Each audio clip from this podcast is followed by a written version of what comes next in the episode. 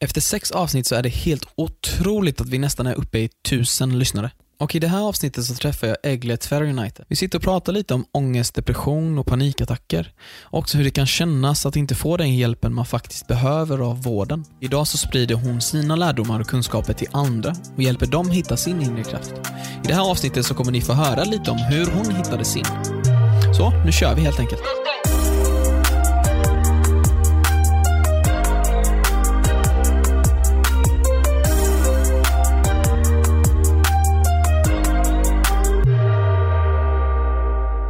Hej Egle, hur mår du? Hej, jag mår jättebra. Jättekul att ha med dig. Du har ju som sagt en väldigt, inte unik skulle jag vilja säga, för det höll vi inte med varandra om Mm. senast. För att säga att en berättelse är unik, det betyder att den skiljer sig från alla andra. Mm. Utan du har ju, alla har ju en berättelse som Mm. många kan relatera till. mm. Och i din berättelse, i din story och din, eh, dina erfarenheter som du har haft genom barndomen och livet, så har du upplevt väldigt mycket som många kan relatera till. mm, precis. Skulle vi kunna börja vid det allra första, vid din barndom? Kan du berätta lite om din uppväxt? Har du tid eller? ja, vi har det var jättebra. Uh, uppväxt, jag växte upp, jag föddes i Litauen 1989. Mm. Nej, men jag växte upp i en liten stad, väldigt liten. Ehm, med min mamma och pappa växte upp i sju år, nästan åtta år. Eh, och ehm, nej, men de var jättekära i varandra och de gifte sig och ehm, allt var jättebra innan jag föddes. Sen när jag föddes allt gick åt helvete, så jag tror att det var mitt fel. Nej. jag skojar, jag skojar. Men så, så tänkte jag faktiskt. Mm. Ehm, Hur gammal var du då? När... när jag föddes? Ja, det var en dålig fråga i och för sig. Nej, du, var, du föddes ju såklart. Men jag tänkte, hur, förlåt, hur gamla var dina föräldrar när du föddes? Jo, eh, 22, 23. Okej, och din mamma var då 22 ungefär? Ja, Okej. Mm. Mm. Mm. så ja, lagom. Precis. Nej, men ehm, min pappa började dricka och uh, ja, men, försvinna hemifrån då och då. Och sen det är klart, min mamma var inte glad för det så de började bråk och sen slåss och ja, men, du vet Ah. allt det där som En liten turbulent Ja, uppväxt skulle Ja, du vilja säga. precis, precis. Och jag var där liksom. Jag är den enda barn. Eller jag var det. Eh, sen min pappa fick en till dotter, men när de inte levde ihop. Mm. Ehm, men som sagt så, ingen pratade med mig liksom om det som hände. Och det var ganska, det var ganska vanligt i Litauen också. Så det var inte bara jag som var i en sån familj. Mm. Så jag har aldrig tänkt på att det är någonting konstigt med det. Ehm, det var bara en vanligt liv liksom. Det kändes som vanligt, som en vardaglig Ja men grej. precis, för att, Att det var turbulent ja, bakgrund. men och precis, så. för att man, man vet ingenting annat. Mm. Och det var inte bara det utan, men nu, nu berättar jag bara negativa saker såklart. Såklart det fanns jättemycket positiva saker. Jag hade Mm. världens bästa mormor som älskade mig och du vet så, massor med kusiner och stor familj och alltihopa. Eh, men eh, eftersom vi har en sån tema så kanske det är lika bra att berätta lite om de negativa sakerna också. berätta om allt, berätta om just din uppväxt. För Mm. såklart, vi vill fokusera på både de negativa Mm. och de positiva. Mm. För jag tror de positiva är ju det där ljuset i tunneln. Mm. Och, eh, men såklart, vi, vi har ju väldigt lätt att i våra liv fokusera på de negativa Mm. grejerna, våra motgångar. Mm. Och jag tror dina motgångar har format dig på något sätt till att vara den starka kvinnan du är idag. Mm, precis. Det där, ja, precis. Eh, nej, som, som sagt, jag växte upp med min mamma och pappa. Mm. Men sen eh, min mamma lämnade min pappa då, ja, när det Mm. var ungefär åtta år. Eh, så vi flyttade och vi flyttade ganska mycket. Som sagt, så I Litauen. i Litauen också. Så jag har aldrig haft den där trygghet. Eh, för mig trygghet var liksom att flytta, att, du vet, man hittar den trygghet, den känslan att man är hemma när det är turbulens, när man flyttar, när, eh, när saker händer. Och det följde eh, med mig till ett vuxenliv också. Mm. Men ehm, Så ni, du beskrev ju att du, du flyttade upp mot 30 gånger, eller vad det var? ja, precis. Ja, På 30 år. Så. ja men det är ändå mycket för den vanliga Ja. individen som bor i Sverige. Jag tänker de Mm. flyttar kanske en eller två gånger. Mm. Men att du har flyttat upp mot 30 gånger. Mm. Och du beskriver ju detta att det känns som om att det blev din trygghet. Pre- Precis, precis. Mm. Eh, och det var så i många år att när jag flyttade någonstans, jag kunde vara där i ett år, sen ville jag flytta. Mm. Oavsett omständigheter ville jag flytta. Jag kände den där känslan att jag måste flytta. Och jag vet, nu vet jag att det var för att det var trygghet för mig eftersom jag gjorde det när jag var liten. Att du hela tiden var i rörelse. Precis, precis. Ja, och, ja, precis. Och det som var turbulens, det kändes hemma. Mm. Ehm, så. Men sen om vi pratar om någonting positivt så Mm. har det en min bästa vän.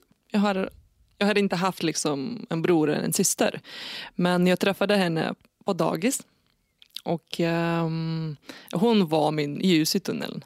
Mm. Eh, för mig så var hennes familj helt perfekt. Såklart, de, de var inte perfekt men det var ganska lugnt liksom och, och fint. Och, ah, de var som en rik familj, du vet. För, I mina ögon, du vet, de käkade lite finare mat. Ja. I min värld. Mm. Såklart det var inte så, men liksom, allt var så fint och hon hade piano och eh, ja men du vet.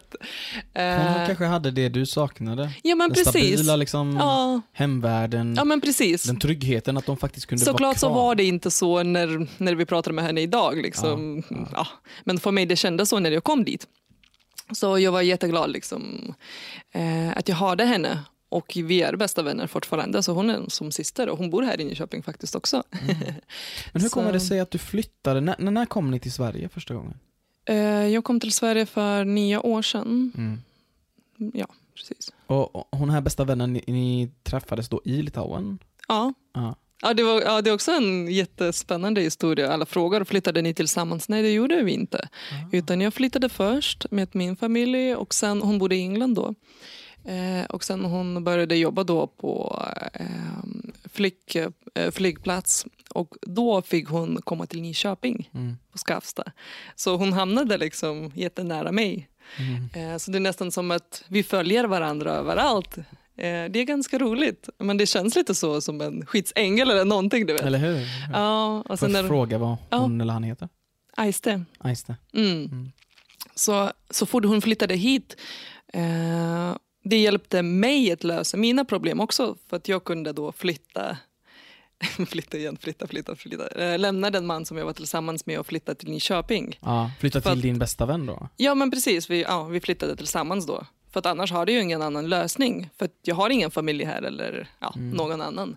Så ja, men det känns som att hon är en som, jag vet inte, någon som Mm. hjälper mig och hjälper henne. Så du Såklart. kom till Sverige för nio år sedan ungefär? Mm, Precis.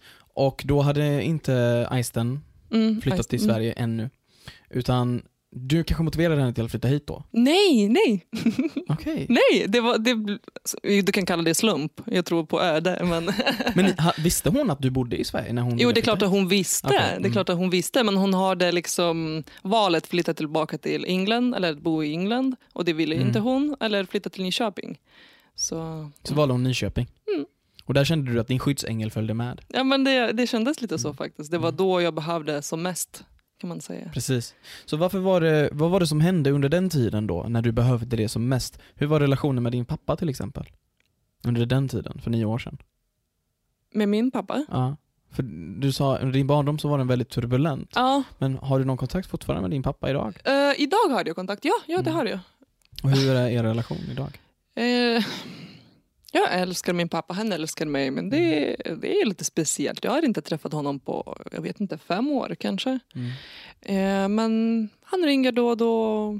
Jag ringer honom liksom, eller skriver lite så, ja, Mm. jag vet inte, grattis och ja, Ja. men du vet lite så, god jul och. Men det är inte Det är vi har, svårt. ja, precis, vi har inte så tajta relationer, vi har aldrig haft det.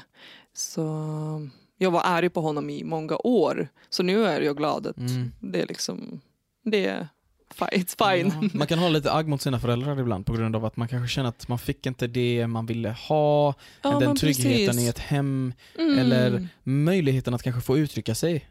Man kanske inte känner sig Precis. trygg nu, nog att kunna snacka känslor med sina föräldrar. Mm. Och jag kan tänka mig när, när din pappa lämnade din mor, det måste varit en väldigt speciell och svår situation. Mm, det är min mor som lämnade min pappa. Eller din mor ja. lämnade far, förlåt. Men jag tänker att han, eh, Mm. han inte var hemma och liknande. Ja men precis, och det var Mm. lite, det jag tror inte det är hans fel för att jag var arg på honom utan det var lite mer min mamma. För att hon alltid pratade skit om honom och hon, så fort jag ville säga att nej men min pappa, vadå din pappa? Men du Ja. vet så han är ja, diet och det och han är idiot och du får, liksom, du får inte älska honom. Glöm det typ. Så, Föräldrar ja. påverkar ju väldigt mycket. så precis, precis. Mm. Eh, Så det var det som Speciellt var... synen på den andra partnern. Ja. Liksom. Och även idag liksom, eh, när jag hälsade på min mamma. Och vi pratade lite om det. Liksom, jag, nej, jag berättade att jag har bra relation med min pappa och hon blev liksom vansinnig. Vadå bra relation? Du vet. Mm. Jag gav dig allting och han gav ingenting och du ändå säger att han är en bra människa. Liksom. Hon kanske är lite avundsjuk eller Ja, svartsjuk. Det, lite.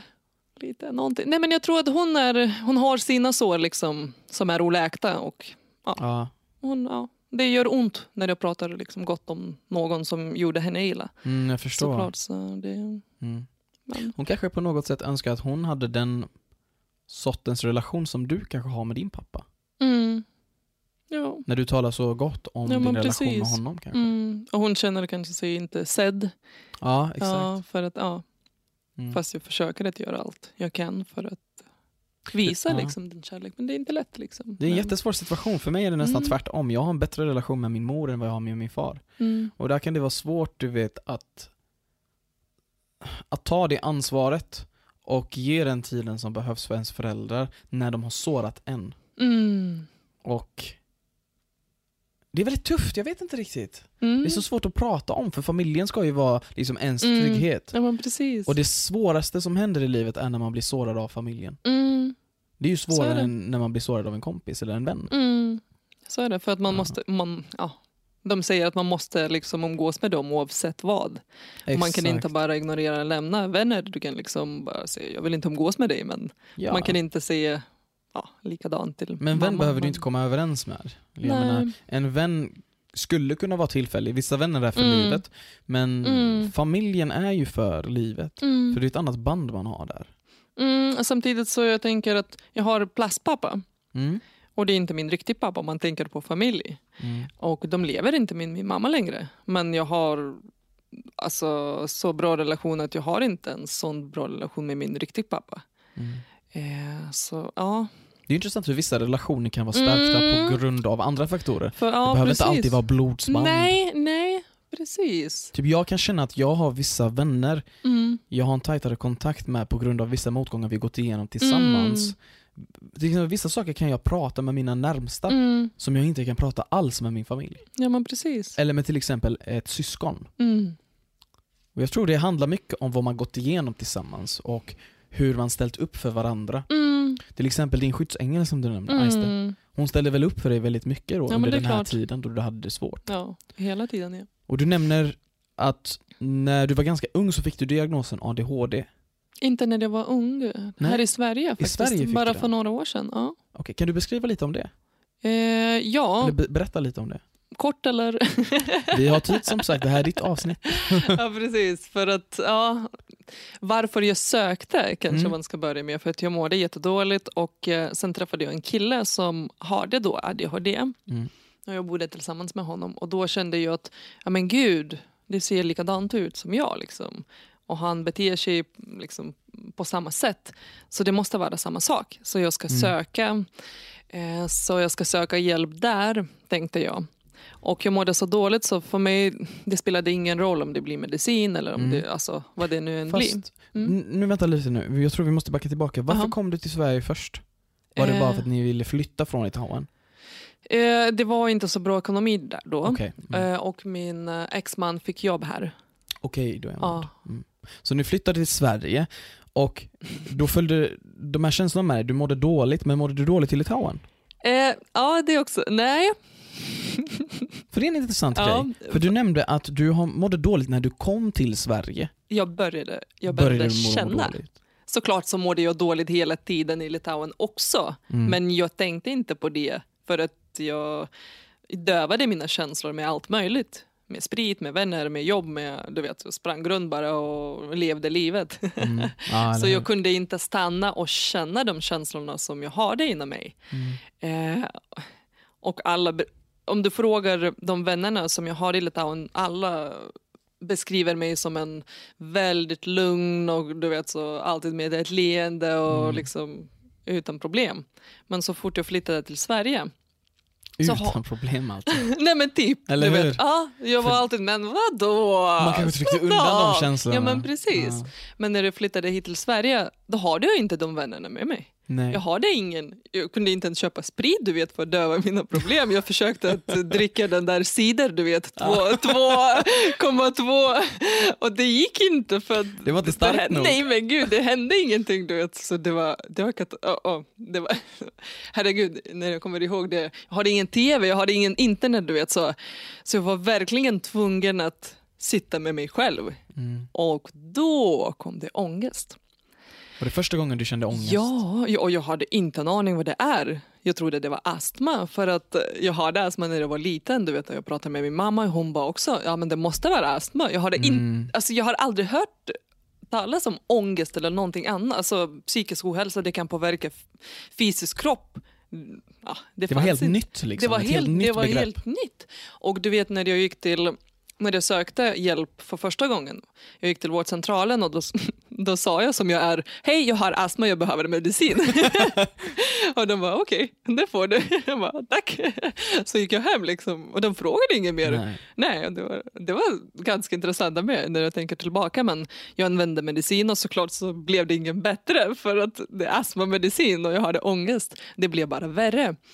Och då hade jag fantasier att jag har typ cancer och det var allt möjligt, att jag kommer dö. Du vet så bara okej, nu Cancer måste i jag... Ja, nu måste jag planera. Mm. vad ska jag göra med mitt barn. Ja, du vet så, så riktigt sådana tankar. Men jag var okej, om det är så så är det så. Och Vad fan ska jag göra? Men... Det är, så ehm, det är så intressant att när vi vi drar alltid det till det drastiska, cancer, Ja. sjukdomar som vi känner igen, du vet. ja, men precis. Och aldrig det mentala, aldrig Det våra känslor. Och cancer är ju ett sånt laddat, laddat Ja. ord. Ja. Att om jag säger till Mm. någon, jag har fått reda på att jag har cancer. Mm. Det blir värsta grejen. Jo, jo. Alla reagerar, Mm. du vet. Alla bryr sig, alla vill vara där, Mm, finnas där. Precis. Men om man hade sagt till Litauen till exempel så hade det varit exakt så. Mm. Och i Sverige. Men säger jag då att jag lider av psykisk ohälsa, Ja. jag mår skitdåligt, Mm. jag har ångest. Mm. De bara, vad är det? Vad, vad fan menar du? Vad, vadå ångest? Det finns inte ens i vår ordbok. Vad menar du psykisk ohälsa? Gå och ta en Alvedon, säger de. Helvedon. Ja. Det finns inte riktigt, man har inte förståelsen för det begreppet på Mm. samma sätt. För Nej. att jag tror det är en helt annan kultur som det finns i Litauen eller i våra Mm. hemländer som är mer accepterad här i Sverige. Just Ja. att eh, man pratar mer om psykisk ohälsa. Ja men precis. Mm. Nu började de prata där också. Jag har inte varit där på länge så jag vet inte hur situationen är nu men Mm. jag pratar om när jag var där. Liksom. Det enda som jag vet men såklart så nu är det mycket bättre. Ja, det var länge sedan när jag var där. Eh, men det är klart, det är precis som du säger, vadå ångest? Och du vet när jag, försökt, när jag tog reda på det var ångest. För att jag jobbade i Stockholm då och jag fick eh, panikångestattack eh, på jobbet och jag åkte direkt till akut. Och det var första gången en läkare tittade på mig och sa du är helt, helt frisk. Jag bara, ja men det, hade jag hört förut liksom. Mm. Men, och då var jag bara okej. Oh shit, jag har cancer. nej, nej, nej, nej. Men eh, det kanske är bra om du pratar med kurator eller någonting. Och min första reaktion var, men vad då? Vad säger du? Jag, jag är glad, jag är lycklig, jag har familj, jag har jobb, Mm. eh, allt är bra. Vadå, vad snackar du om? Liksom? Mm. För vi, det är så intressant, vi associerar aha. att prata med psykologer eller Ja. kuratorer som otacksamhet. Ja men precis, Eller precis. Det, ja, vadå? Vi tänker ja. att om jag behöver gå och snacka Ja. med någon för jag mår dåligt, Mm, då kanske andra ska tro att jag är otacksam. precis, att jag har allting. Liksom. Exakt. Men det är också, jag tror det kommer från barndom för att min mamma hon pratar jätteofta att, men vad då? Du mår dåligt. Vissa människor har ännu värre. Du har det, du har det och det, du vet. Så Mm. Exakt. du kan inte må dåligt, för du har allting. Jag gav dig, liksom, när du växte upp, jag gav dig eh, pengar, jag gav dig leksaker, du fick gå till, ja men du vet, eh, ja. Jag tog hand om dig. Jag bara, ja men barn behöver lite kärlek också. Man behöver prata känslor. ja, behöver alltså, den, den sortens närhet. kram i alla fall, eller säga jag älskar dig. Du vet, det räcker inte bara att köpa grejer eller ta hand om barn. Liksom. Fick du Eh. aldrig någon kram? Nej, inte vad jag kommer ihåg. Såklart hon kramade hon Ja. mig när jag var liten, antar jag. Men inte, inte vad jag kommer ihåg. Du kommer inte ihåg någon emotionell kärlek på det sättet? Nej, nej jag har aldrig hört liksom jag älskar dig eller så. Hon tog hand om mig, det vet jag, hon älskade mig såklart. Men, Men hon gjorde det på sitt sätt kanske? ja men precis, för att hon har inte fått något kärlek heller. Så det är klart, hon kan inte ge det vidare. För att man, man kan lära sig, men man måste vara medveten. Mm. Och hon var aldrig medveten om det. Nej. Inte nu heller. Liksom. Jag, jag ser, när jag träffar henne idag, liksom, jag ser att hon vill jättegärna liksom, ja, men du vet, ha den där kontakt. För att jag och min son vi har jättetajt kontakt. Liksom. Ja, men du vet, vi busar, vi kramas, vi liksom skrattar tillsammans. Och hon blir så... Jag ser att hon blir sårad på något sätt för att hon, hon kan inte göra det. Även med min son, du vet, hon, kan, hon har inte kapacitet. Men hon vill det jättegärna, men hon kan inte och då blir hon frustrerad istället. Hon önskar kanske att hon kunde det med dig? Ja, ja såklart. Och eh, ja, jag ser det jättetydligt att nej men ja. Så du fick reda av- den här doktorn då, eller läkaren? Ja. Vi kommer tillbaka. Sa, sa han då du har ångest? Han sa inte direkt det, men han sa lite så att Du behöver prata med kurator. prata med kurator. Ja. Ja. Så jag funderade några dagar och jag tog kontakt faktiskt med kurator och då pratade hon och berättade lite mer om det. Var du på din vakt för- första gången du skulle gå in? Nej, nej, liksom- nej, utan jag läste lite då, googlade lite Okej. och sa bara okej, det finns någonting sånt faktiskt. Att det kan hända. Liksom. Att, för att min största problem var andning. Jag kunde inte andas. Och då förstås tänkte jag det är astma. För att du vet så, när man andas in och så ja, hyperventilera. Mm. Eh, och sen åkte jag till Litauen eh, och där pratade jag med psykolog för att jag kunde inte svenska då. Och att prata på engelska det var inte lätt heller för att jag kunde inte så bra engelska heller. Eh, så jag åkte till Litauen faktiskt och eh, ja, pratade med psykolog där. Mm. Och det hjälpte mig väldigt mycket att förstå vad är det som händer. Liksom. Det är kanske inte allting är på topp som jag tror att jag har det, det och det och det. Liksom. Men, ehm, ja, men där började jag min resa liksom, Mm. med ångest. Så du kom tillbaka då till Litauen och började prata med en psykolog. Jo men det var två fick du- veckor. Ja. Och under de två veckorna så Ja. kände du att du fick en självinsikt. ja men precis, att jag, jag förstod vad är det som händer med mig. Mm. Vilka självinsikter var det du kom till? Ja, Vad men, var det du förstod? Jag började fundera, är det verkligen det livet jag lever som jag vill leva? Kanske det, det är inte allting som är på topp ändå. Och kanske det är någonting som jag har förträngt. Och du vet, så jag började lite så... Du började Ja. gå tillbaka till din barndom? Lite, inte, inte så mycket, inte så mycket faktiskt, men lite grann. Liksom. Ja. Jag fick de där tankarna. Att ja, men det kanske inte allting var så bra. Men jätte, jättesmå tankar. Alltså. Jag kanske tänka, kanske det var någonting som var lite, lite konstigt. Mm, Till exempel i min uppväxt. mm, Till precis. exempel i min relation med mina föräldrar. När jag, så, ja, när jag såg hennes reaktion, liksom, att även hon i Litauen reagerade, oj, liksom, att nej men det var inte så bra Mm. som du tror. Och då var jag, okej, kanske inte. Mm. För att jag visste inte hur andra har det. Liksom. Och jag har aldrig tänkt på det, jag har aldrig pratat om det. Så, Ja, precis. Så vad gjorde du efter de två veckorna då? Nej, jag kom tillbaka till Sverige och faktiskt efter det, det tog inte så mycket tid eh, innan jag flyttade, innan jag lämnade min man. Då. Mm. Jag flyttade till Nyköping. Okej, så då flyttade du till Nyköping och har bott Ja. i Nyköping ända sedan dess? Mm, precis. Mm. Under den här tiden, du vet när du hanterade din ångest och alla de här känslorna och innan du först sökte till kurator, fanns det någonting du kände att du kunde vända dig till? Som du kunde använda? Till exempel vissa vände sig till träning, vissa vände Nej, sig till att nej, måla. nej, nej, jag, nej. Som sagt, jag har ingenting där. Vi bodde i skogen. Liksom. Jag Mm. var där och typ lagade mat och, och städade och försökte ta hand om min son. That's it. Mm. Så vi hade inga pengar liksom, eller någonting att göra någonting åt. Liksom. Så jag försökte att lära mig svenska, det är endast Mm. som jag gjorde. Typ. Och jag tränade inte då. Jag, var väl, alltså jag har aldrig tränat i hela mitt liv innan jag kom till Sverige. Så det var ingenting som jag ah, tänkte ens på. Du vet. Nej. Det var inte min grej typ. men typ. Mm. Men hur var tiden då efter eh, att du hade träffat eh, psykologen första gången? Gick du tillbaka och besökte psykolog igen? Eh, som sagt så kom jag tillbaka hit och eh, då när jag flyttade till Nyköping då var jag så glad. Jag tänkte nu, nu, liksom, nu kommer jag må jättebra. Och nu Mm. har jag lämnat min gamla liv och eh, sen träffade jag en kille och nu, oh my god, nu kommer Ja. allt bli jättebra. Och det var bra i kanske två månader så jag har ingen symptom eller någonting. Så jag träffade ingen psykolog eller någonting. Eh, men sen såklart så Kom det tillbaka alltså? Ja, det är klart att det kommer tillbaka om man inte gör någonting åt det. Mm. Så, men ja, så jag började känna de symptomen igen och sen han lämnade mig så jag fick flytta. Det är därför jag flyttade så många gånger. Just.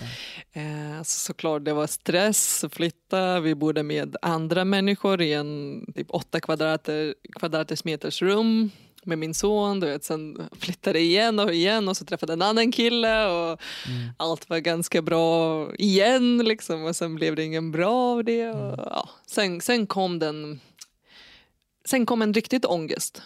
När jag fattade att jag kan inte bli av med det, du vet. Den kommer tillbaka oavsett vad jag gör. det. Jag kan inte ignorera, jag kan inte fly liksom. Den kommer tillbaka Du kan hela inte flytta tiden. från den. Nej, det går inte. Ja, ja, jag märkte det och det bara shit. Det är bra när jag flyttar men sen kommer För du, den kanske, tillbaka. du kanske var van, speciellt när du var yngre, när du flyttade med dina föräldrar, att du kunde flytta ifrån dina problem. Japp, Eller lite hur? så. Att man kunde Lite fly så. dem hela Ja, tiden. man flyr, precis. Att man flyr. Försöker att fly från relation till relation eller från stad till stad. eh, Flytta, liksom, hitta nytt hem, nytt jobb eller så. Nya vänner. Ni, alltså, ja, precis. Allt.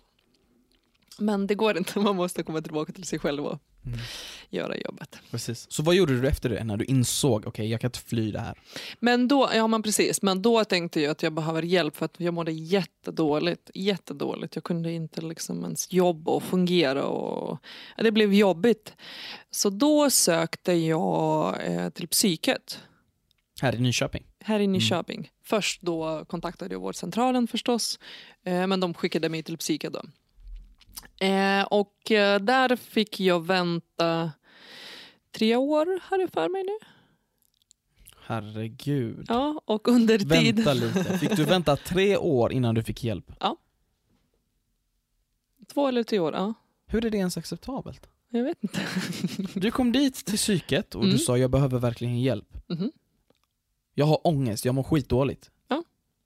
Hade du självmordstankar vid den tiden? Det hade jag aldrig. Nej. Men du, Och, du det, ändå... det, och det är därför jag fick vänta. För de sa om du inte har självmordstankar då får du vänta. Men- Vänta tills du får.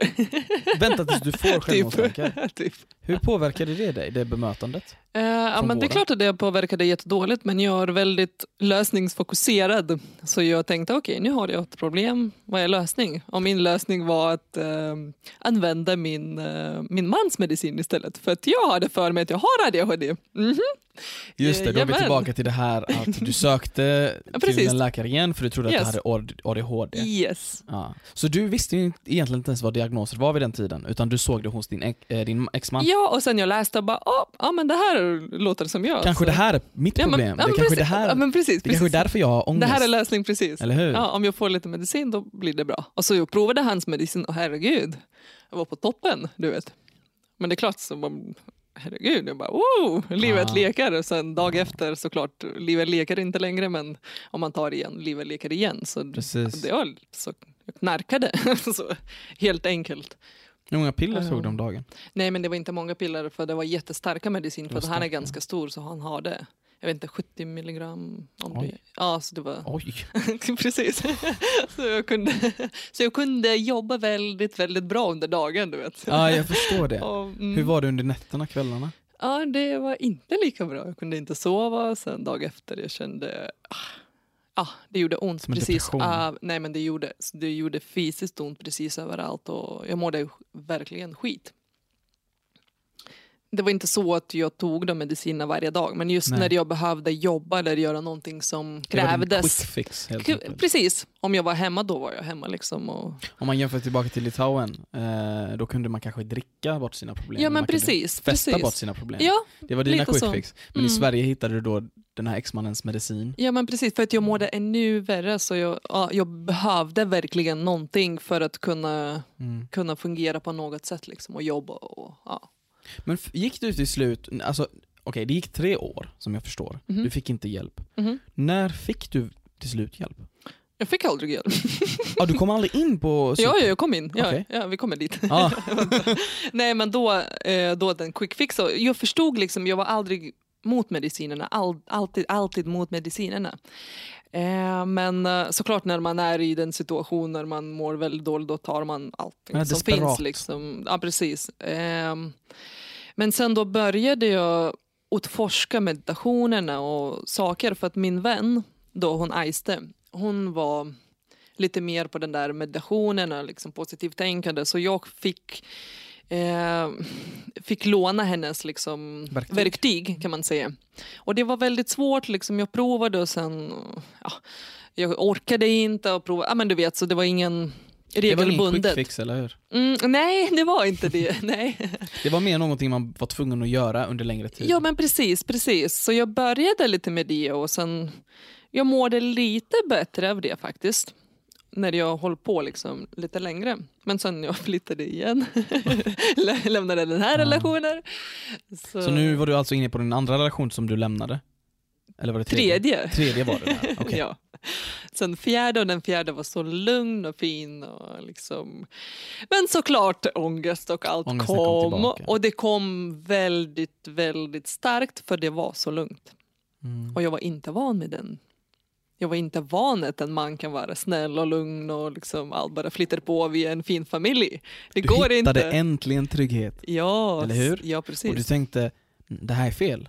Det är fel. Det är fel. För det inte stämmer inte överens med det som är i... Nej. Det Med din egna världsbild, det Precis. stämmer inte överens. Nej, nej, nej, nej, nej, nej. Och jag har en trygg jobb, liksom allt var så fint. Nej, men då mådde jag som värst. För allting satt, stod stilla, ja. eller hur? Ja, ja, precis. Och då började jag jobba som en idiot istället. Då jobbade jag, jag kunde jobba liksom 300 timmar per månad så jag var aldrig hemma. Du vet. Så jag jobbade på två jobb, liksom bara, bara jobbade. Om någon frågade kan du jobba lite extra, jajamän det kan jag, jag kommer. Du vet. Och det var min flykt då. Jag slutade dricka. Arbetsnarkoman blev Ja du. men precis, jag slutade dricka, eller slutade, jag drack men inte lika mycket som förut. För att jag förstod att det här, mm, mm, det blir ingen bra av det. För att Då kan du inte jobba. Nej, nej ja, jag kan inte jobba.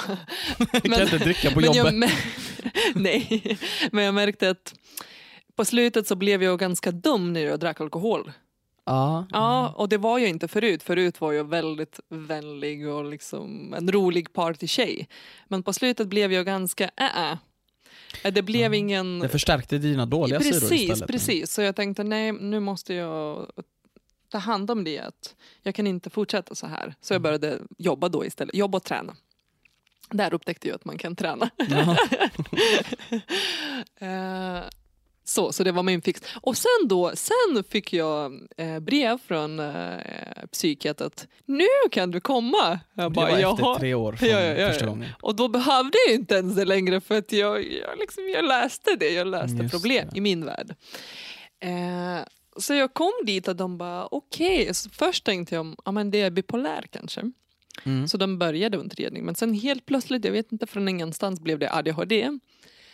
Eh, och jag vet inte, jag kände bara att alla frågorna som de ställde de ledde till att jag ska svara som att det är ADHD.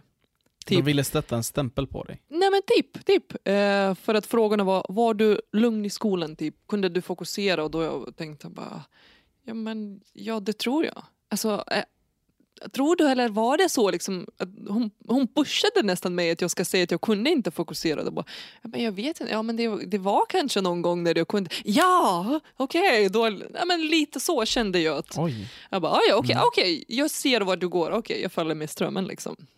Ah, jag, jag visste precis vad jag ska svara på. Kanske lättare för vården att trycka Det är in lättare, någon i en det är lättare liksom. för då man vet vad man ska göra. Exakt, man vet hur man ska behandla. Precis. Och då, och då fick jag faktiskt den där ADHD-diagnosen och då berättade hon att jag, kan inte fungera, jag kommer inte kunna fungera liksom som vanligt.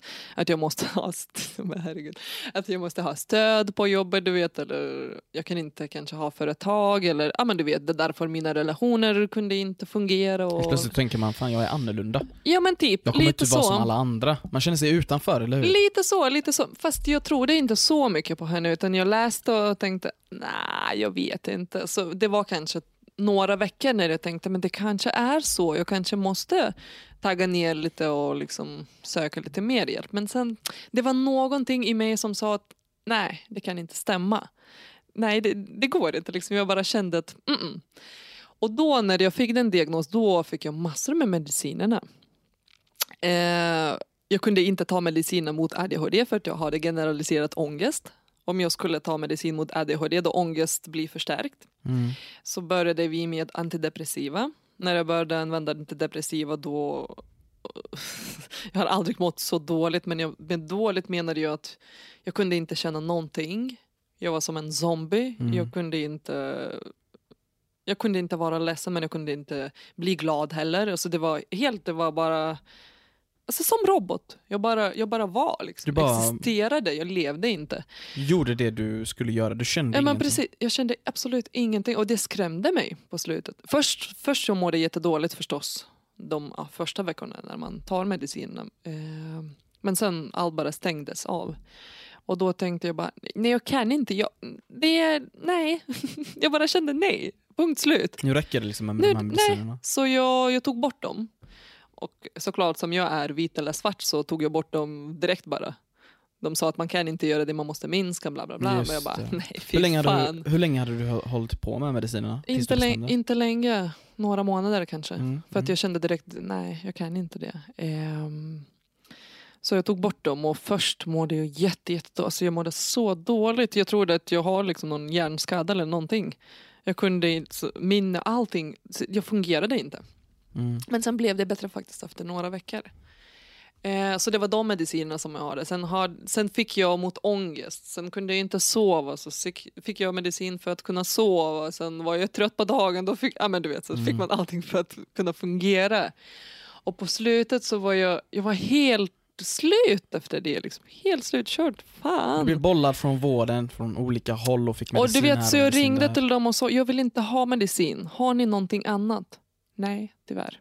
Vill du ha dem där kanske istället? Jag vill inte ha medicin. Nej, men då så. Då kontakta din vårdcentralen.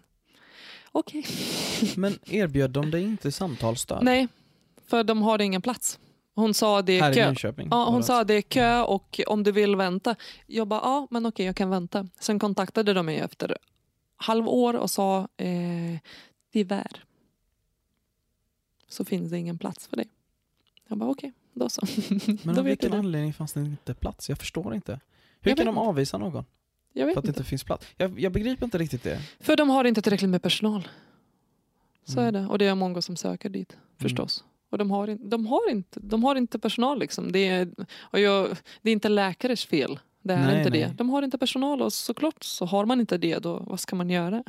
Antingen så ger man medicin om det funkar inte för dig då, då får du hitta lösning själv. För vi kan inte hjälpa dig. Hur, hur kändes det då när du inte riktigt kunde få den hjälpen du ville ha? Ehm, Eller som du behövde?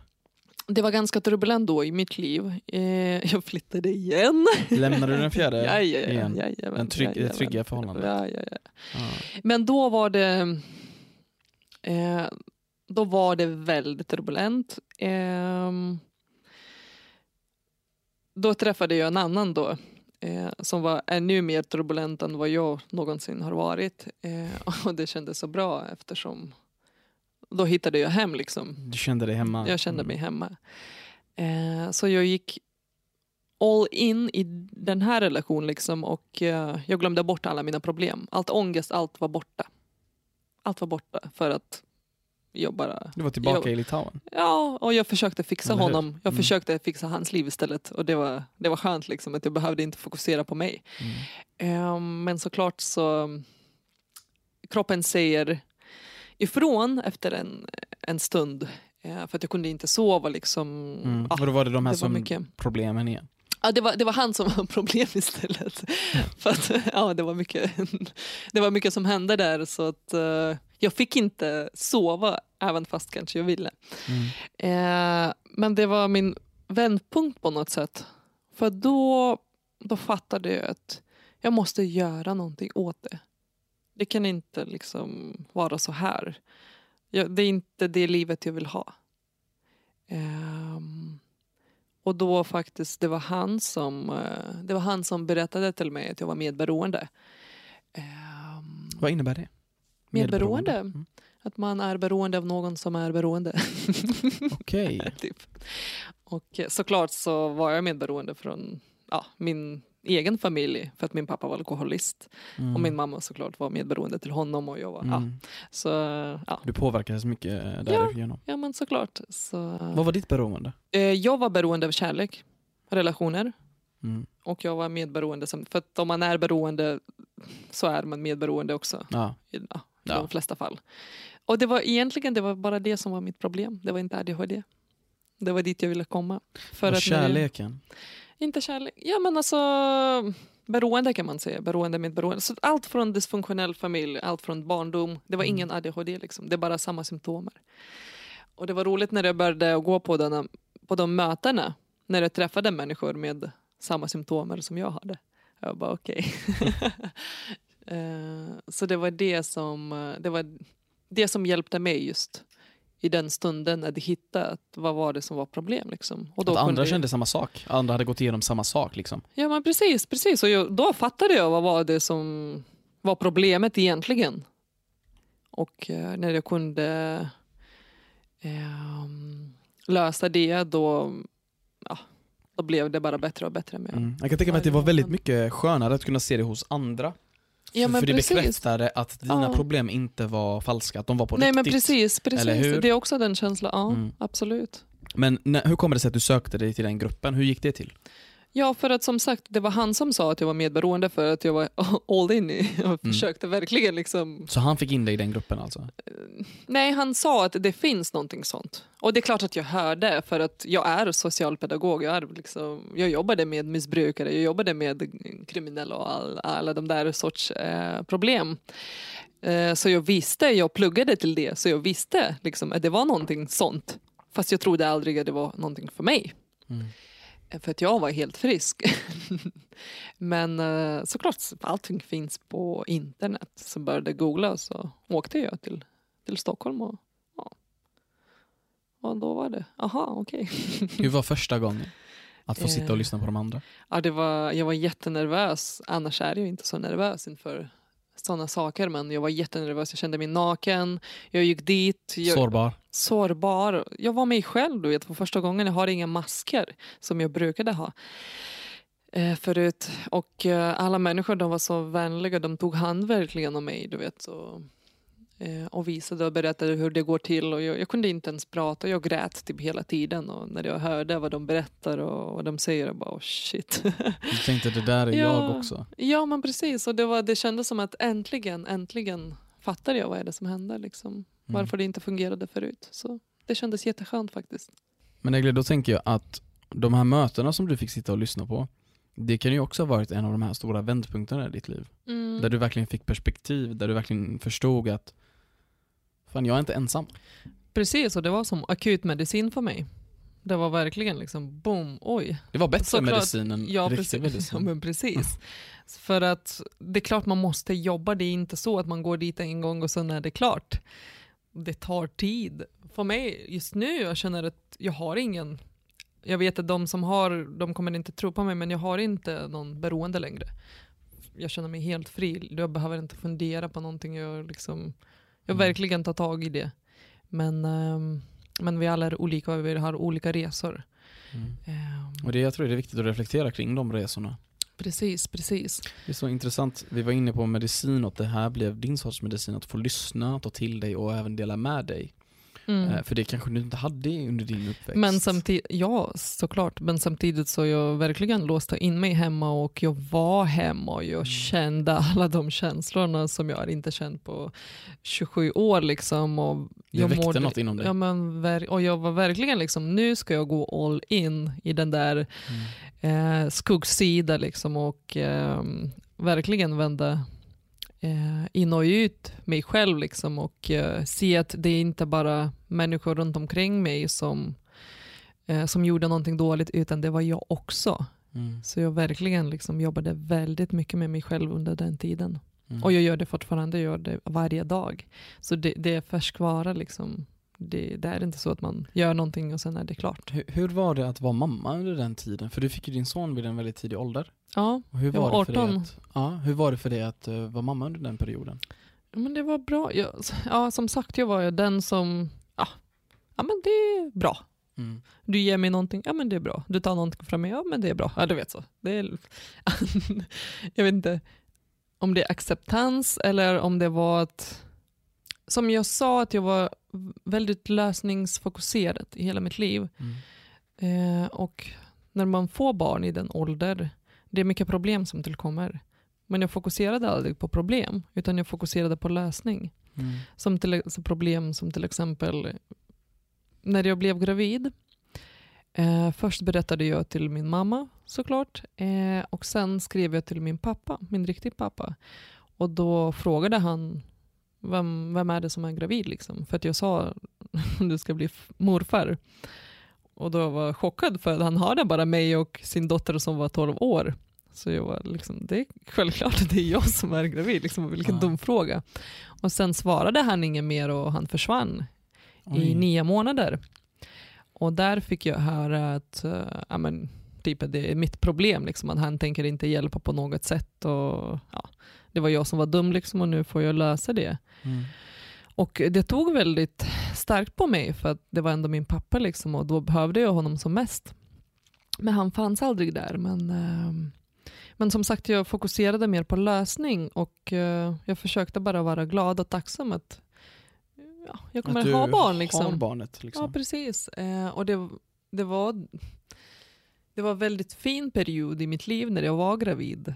För Mm. att, ja, jag vet inte, det, det gav mig mening på något sätt. Och då tänkte jag att det kommer lösa alla mina problem. Såklart det gjorde inte det. Men, eh, men, Jag det, det känd, dig men det, ja, men precis, det kändes lite så att såklart jag slutade dricka och jag slutade röka under den tiden. Och jag mådde bättre. Liksom, Jag tror det oavsett om man är man eller kvinna så vill man sitt bästa för sitt barn. Ja men det är klart. Man det vill, klart. man vill vara en förebild för dem liksom. Så Mm. man automatiskt börjar jobba lite mer på sig själv under perioderna.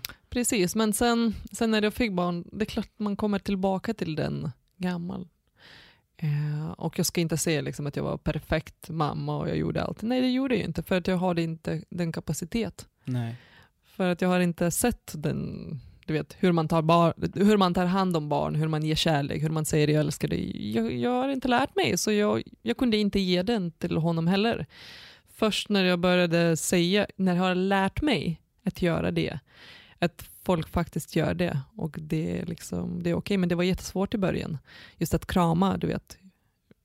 Det var väldigt svårt, det tog på mig väldigt starkt, du vet. Jag kunde känna nästan att hela kroppen, den, jag får sånt du vet, så motstånd på något sätt.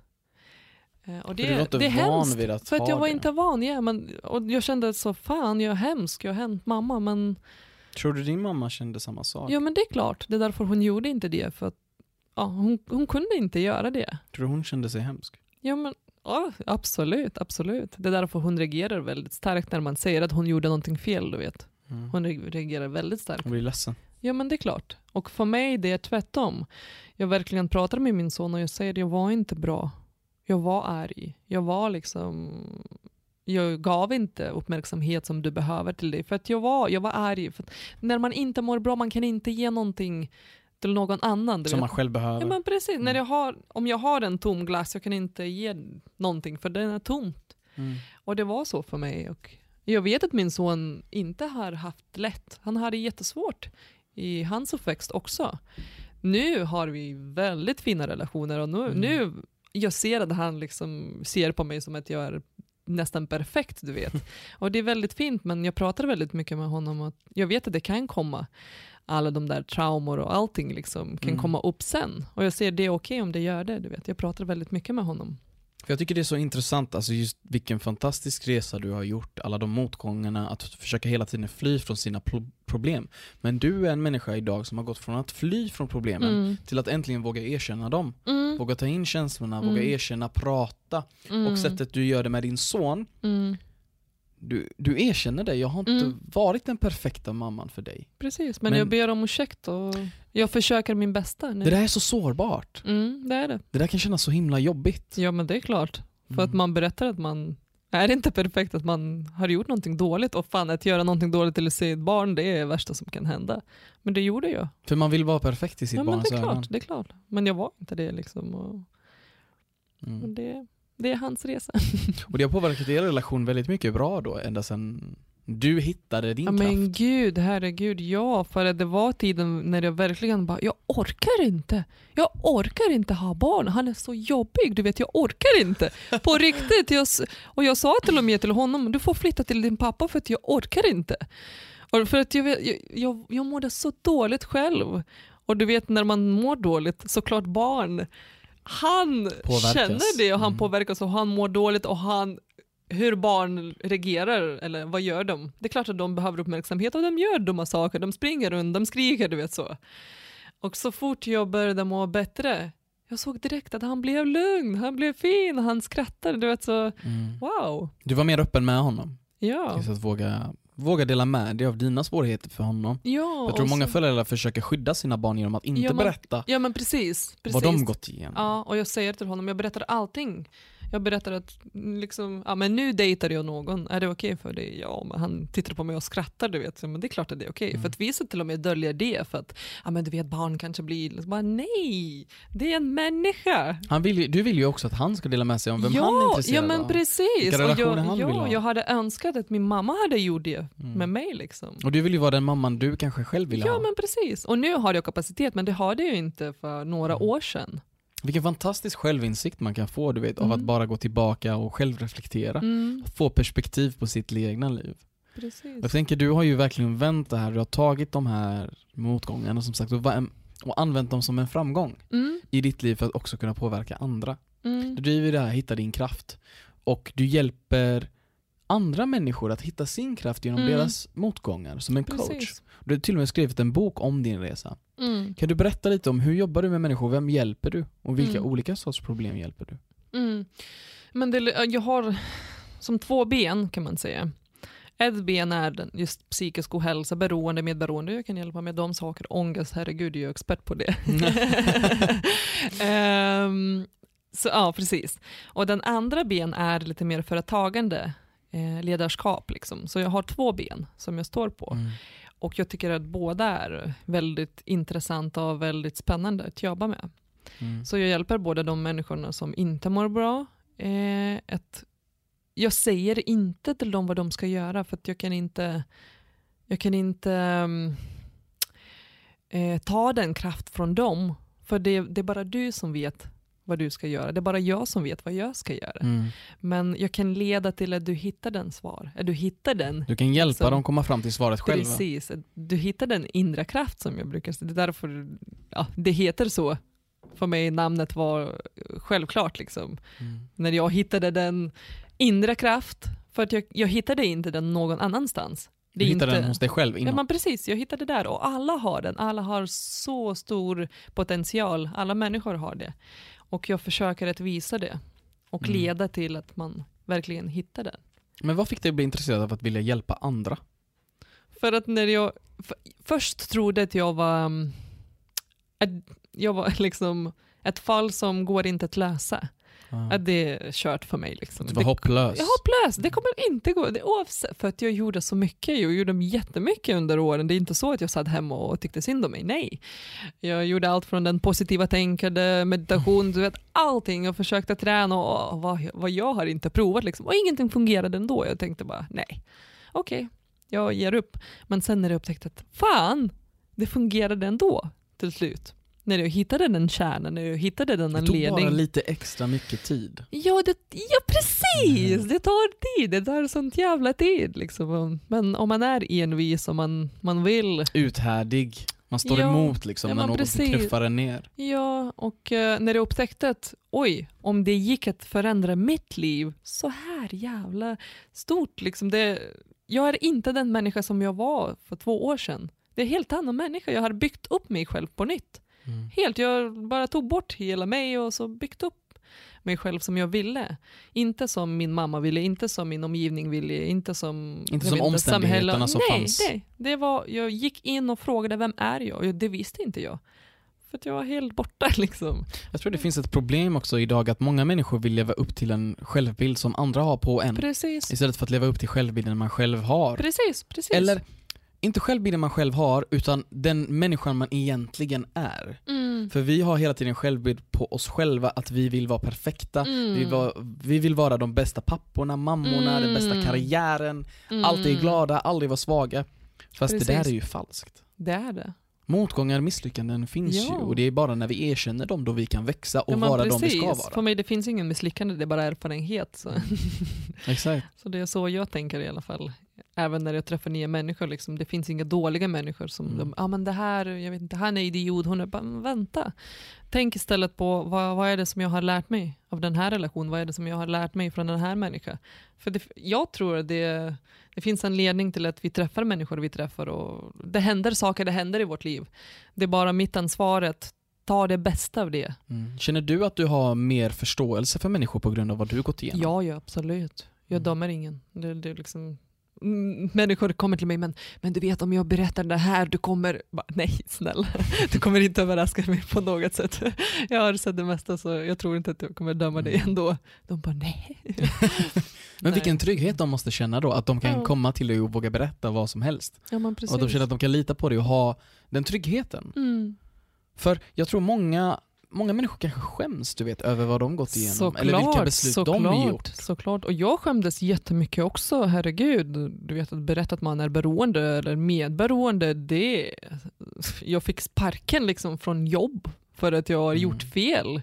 Så det är klart att man skäms jättemycket, men nu jag, jag tog verkligen bara, okej, om shit happened, men nu kan jag göra någonting bra av det. Jag kan berätta till andra människor att det är okej Mm. Det är viktigast vad du gör av det. Att om du gör någonting av dina liksom, dåliga beslut, då gör du rätt. Exakt. Herregud, vi är alla människor. Mm. Det är så- det är- perfekta. Det är så intressant det här om att när du hade en motgång i ditt liv, oavsett om det var emotionellt eller affärsmässigt eller vad det nu än var, Mm. så var du en problemlösare. Mm, så var det faktiskt. ja. Du backade bak lite och tänkte okej nu har vi ett problem, nu har någonting uppstått. Mm, Vad kan jag göra just Mm. nu? Jag har massa alternativ framför mig. mm, Jag kan antingen phone a friend, mm, prata med Aiste till exempel. mm, Jag kan antingen vända mig och testa meditation, jag kan testa Mm. konstform, jag kan testa skriva, precis. jag kan testa vända mig till vården. Men allt är att man är lösningsorienterad. Precis, till exempel, som min tips är också att om man, alltså, kanske någon kommer och säger men vad fan jag får inte hjälp där. Okej men du har problem, du, du får inte hjälp där. Släpp det. Du kan inte lösa det på något sätt. Nej, men då så. Släpp Gå det. någon Gå annanstans. någon annanstans. That's it. Släpp Ja. det. Det hjälper inte om du går runt och säger att Ma, jag får inte det, så alla är dumma, bla bla bla. Det är bara offerkorta för mig. Och jag är ganska rak och jag säger liksom det jag tycker och tänker. Mm. Och jag märker väldigt tydligt även på min Instagram att många följer just för att jag är rak. Många följer. Du vet, så man ser ganska tydligt att människor är rädda för de som säger rakt. Så här tänker jag. Och sen du kan ta det där, släpp det om du inte tycker om det. Du, du behöver inte liksom lyssna på mig. va Eh, men, och många säger till mig, men du får inte säga så här, du får inte, tänk på din business. Tänk bara, nej, nej, nej, ah, ah, ah, ah. jag tänker inte på det. Jag tänker att människor, om jag visar mig själv precis som jag är, människor som behöver mig precis som Kommer jag är, känna kommer igen sig. komma, kommer komma. Mm. Och de som behöver inte mig som jag är, jag behöver inte dem heller. Liksom. Det matchar inte och det är okej. Det finns andra som de kan ta hjälp av, liksom, som kommer matcha. Så det, för mig det verkligen vara sig själv överallt. Det är Mm. den som är... Men såklart man måste veta vem man är först. Självklart, och det är väldigt mycket den här självinsikten. Vi har pratat Ja. väldigt mycket om det i den här podden. Att det är viktigt att kunna vara bekväm med sig själv. Ja men precis, och verkligen stå för det man tror på. Exakt, att lyssna in sina egna känslor. Mm. Och ibland kan det hjälpa att lyssna in andras känslor. Såklart, såklart, såklart. Det är till exempel de här mötena du hade som var vändpunkten i ditt liv. Ja, och, och allt om mitt jobb. Liksom, som jag sa, jag jobbade med missbrukare, kriminella, liksom, människor som, som andra kanske tycker är farliga eller som har gjort dåliga saker och som andra dömer. För mig det finns ingen sånt. Jag ser en människa, herregud, de är jättefina. Liksom. Eh, och det finns hopp för alla. Vilken fantastisk, alltså vilken fantastisk insikt, verkligen. Mm. Att du dömer inte, utan du ser Mm. människorna för vem de är. Mm. Och att varje berättelse är viktig. Ja men precis. Och som jag brukar säga till dem också om jag träffar någon. Att det är din resa. Mm. Du har gjort någonting men du har lärt dig. en- Det är den som Det gör dig unik. Ja precis. Mm. Det är viktigast att lära sig någonting. Men hur, hur kan man, Mm, vart kan man vända sig till dig då om man behöver stöd och hjälp? För jag förstår, du hjälper ju människor. Hur, Mm. Var kan man nå dig? På internet eh, Mm. man kan nå. Kan du berätta om din hemsida? uh, Hitta din inre kraft heter hemsida. .se. Sen, precis, .se. Sen på Instagram, det är samma sak. Hitta din inre kraft. Och samma sak på Facebook också. Mm. Så det är väldigt lätt. Hitta din inre kraft. jag, jag ska inte nämna det, mi- mitt, mitt namn, Ägle, du vet, då blir det krångligt. Eh, hur stavas det? Nej men eh, där kan man ta kontakt och sen man kan träffas, kanske nu är det inte så aktuellt att träffas just så stora föreläsningar är inte så aktuella just nu. Nej. Men kör du Mm. väldigt mycket via nätet och digitalt? Precis, jag har, ja såklart alla måste göra någonting så jag började fundera på det mer och mer. Mm. Och nu kör jag igenom, man kan prata genom Messenger så att man kan se varandra ändå. Jag gillar inte bara telefonkontakt för att jag ändå vill känna den energin och jag vill se den människa också. Liksom, för, att, känna in dem? för att jag lyssnar inte så mycket på ord utan du vet man ser kroppsspråk, man ser allting i helhet. För att ah, du vet människor kan säga ja men jag mår bra, ja ja. Fast Rösten, helhet säger någonting annat. rösten kan manipulera väldigt mycket. Ja men kan precis. ljuga Så ord, mycket. ja, precis. Ord betyder inte så mycket för mig. Mm. Det, Det är en kombination, jag tror kroppsspråk är eh, Mm. människans tydligaste språk. precis. Det, det går inte att ljuga genom kroppsspråket. Nej. Om någon är Jo, det går, det går om man är medveten om man lär sig. Ja, om Absolut, man är det går. medveten, Men just såklart. energimässigt, det går, Mm. man kan känna direkt att, oh, du vet. Även när folk säger att man kommer in i rummet och det är ångestladdat. Mm. Du vet, som alla kan känna den där. Mm. Till exempel inför ett prov på ett klassrum som ja, ska precis. på. Det Man känner den känslan. Precis. Man kliver in i tentamensalen. Eller hur? Och hur mår ni? Bra! Så bara, äh, ja. Ja men det är också en sån grej du vet. När man går förbi någon på stan eller när man ringer en kompis. Hur mår du? Bra. Du? Bra. Okej, hej då. Du vet vad jag gjorde en gång?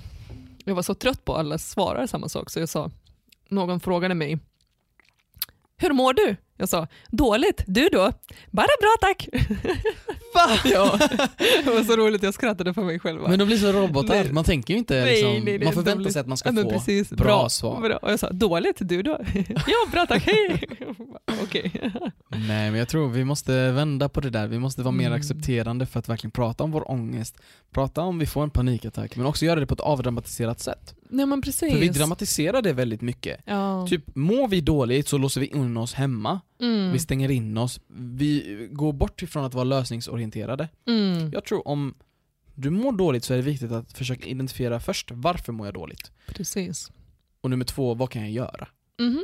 Och nummer tre, vilka verktyg kan jag vända mig mot? Precis, för att du vet ibland det som du kan göra är faktiskt att ligga i sängen och gråta hela dagen. Det är Precis. kanske det du behöver om du som jag har trängt dina känslor i 20 år så det finns en hel del känslor som kanske du behöver ligga i två månader och gråta Mm. och det är okej men, men det, ja, det krävs att man är väldigt medveten och att man inte fastnar där utan att man vet varför man gråter du vet. Mm. Och ja, men det, det är också ett väldigt svårt jobb. Att inte fastna men ändå låta känslorna Det är en komma. väldigt fin balans och jag tror Ja. någon som du hjälper människor att hitta den Ja, balansen. precis, precis. Mm. Så att, ja. Nej men till våra lyssnare, fan. om det är någon som känner att de behöver söka stöd Mm. eller prata med någon, kan de vända sig till dig? Absolut. Mm. Jag hjälper så gott jag kan. Och då är det på hittadinkraft.se. Mm. Men nu Egle, sist men inte minst, har du några sista lärdomar, några sista ord du skulle vilja dela med dig till våra unga lyssnare som lyssnar? Framförallt vara dig själv. Du är så unik, du är så fin, du är så vacker. Är allt börjar inifrån och utåt, inte tvärtom. Och sen kommer, det blir per automatik, du sprider kärlek vidare. Mm. För att allt kommer inifrån som sagt. Och Det handlar om att jobba på att älska sig själv. ja, det är det som är viktigast. Mm. Det är du som är viktigast person i ditt liv. Tack så jättemycket för att du delade med dig. Tack själv. Det var ett jättefint samtal med dig. Ja, detsamma.